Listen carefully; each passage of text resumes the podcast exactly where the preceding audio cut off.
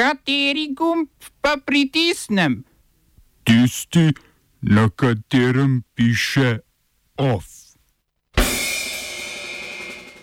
Na Trumpov ukaz v Bagdadu z bombnim napadom umorjen iranski general. Odstopil makedonski premijer Zoran Zajev. Turški parlament izglasoval napotitev vojske v Libijo. In kultura v letu 2020. Pozdravljeni. Iranski general Kasim Soleimani, poveljnik revolucionarne garde Al-Quds, je bil skupaj še šestimi soborci danes ubit v napadu ameriškega brezpilotnega letala v bližini bagdadskega letališča. Iz Pentagona so sporočili, da je direkten ukaz za napad dal predsednik ZDA Donald Trump, 62-letni general pa je sicer odigral ključno vlogo v boju proti islamski državi v Iraku in Siriji, kjer je organiziral, poveljeval in rekrutiral šiitske milice. Bil je eden najpomembnejših operativcev vojašev na Bližnjem vzhodu in zaslužen za okrepitev iranskega vpliva v širši regiji.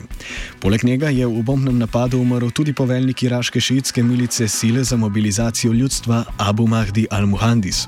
Iranski zunani minister Mohammad Javad Zarif je umor generala označil za mednarodni terorizem in bedasto stopnjevanje napetosti med državama. Donald Trump, ki mu te napetosti pred prihajajočimi volitvami koristijo, pa je zgolj tvitnil sliko ameriške zastave v izjemno, izjemno slabi resoluciji, Več o ozadju napada in možnih posledicah v kultivatorju ob 17.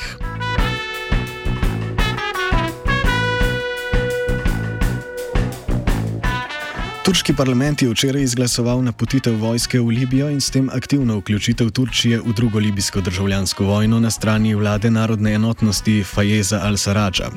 O datumu napotitve in številu enot bo odločal turški predsednik Recep Tayyip Erdoğan. V Libiji sicer že več kot pet let poteka državljanska vojna, v zadnjem času pa se je močno okrepil general Khalifa Haftar, čigar sile oblegajo vlado v Tripoliju in tako ogrožajo turške interese v regiji, ki jih je dosedaj varovala bolj posredno in sicer tako, da je omenjeno tripolijsko vlado zalagala z orožjem.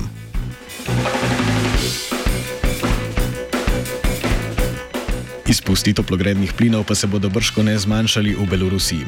Odnosi med Belorusijo in njeno manj belo sosedo so se namreč dobesedno ohladili. Državi se niste uspeli dogovoriti glede odkupa ruske nafte, zaradi česar je Rusija zaprla dotok beloruske rafinerije, pa obratujejo na minimumu. Prek Belorusije sicer poteka eden od tokov ruske nafte, ki ogreva Evropo. Rusija zagotavlja, da spor med državama ne bo vplival na dotok nafte v Evropo, a razlogi za skrbljenost ostajajo.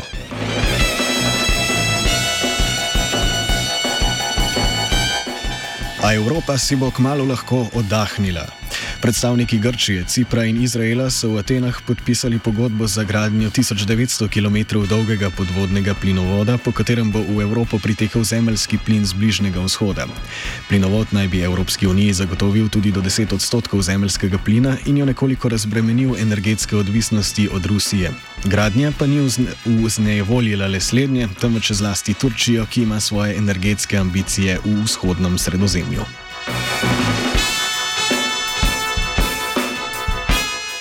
Borci za liberalno demokracijo v Hongkongu so skazili načrte za oživitev poslopja nekdanje politične šole v Kumrovcu.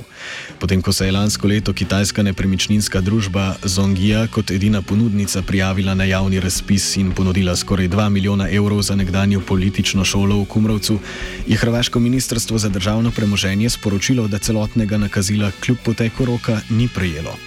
Ministrstvo je družbi sicer dvakrat podaljšalo rok za plačilo celotnega zneska, ki pa ga družba, kot pravi sama, zaradi zaostritev razmer v Hongkongu ni mogla plačati. Hrvaška bo del prejetega zneska obdržala in še naprej skušala prodati poslopje nekdanje Titove politične šole, ki so jo odprli leta 1974, od začetka 90-ih let pa žalostno propada. Kitajski investitorji so sicer načrtovali, da bodo iz 6000 km2 velike stavbe naredili turistično-rekreacijski center. Selimo se na skrajni jug naše nekdanje skupne države, kjer je odstopil premijer Zoran Zajev. Socialdemokrat, ki je na čelo države stopil leta 2017, je svoj odstop in predčasne volitve napovedoval že oktobra, razlog zanj pa je odločitev Evropske unije, da z Makedonijo ne bo začela pristopnih pogajanj.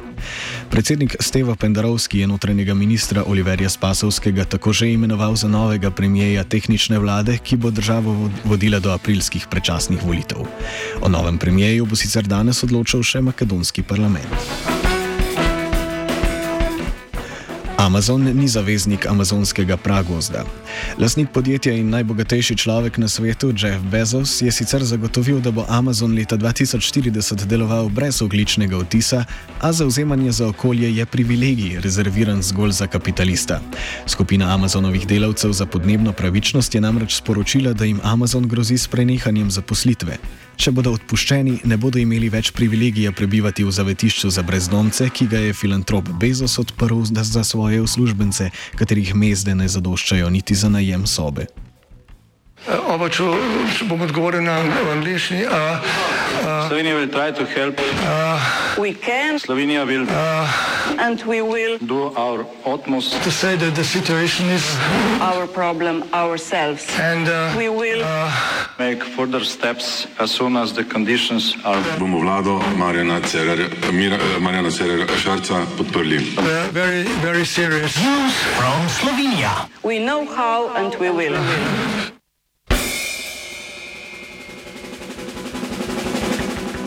Jure Leben, nekdani ministr za okolje, bo morda postal svetovalec premijeja Marjana Šarca za podnebne spremembe. Iz kabineta predsednika vlade so sporočili, da o tem potekajo pogovori. Leben je sicer z ministerske funkcije odstopil marca 2018 zaradi afere, ki jo je sprožila preplačana maketa za drugi tir. Po odstopu je Leben izstopil iz stranke Modernega centra, sedaj pa sodeluje s poslovnežem Jocom Pečečnikom pri projektu Bežigrajski športni park, ki predvide, predvideva nadomestitev Plečnikovega stadiona športnim centrom. OF je pripravil Mert.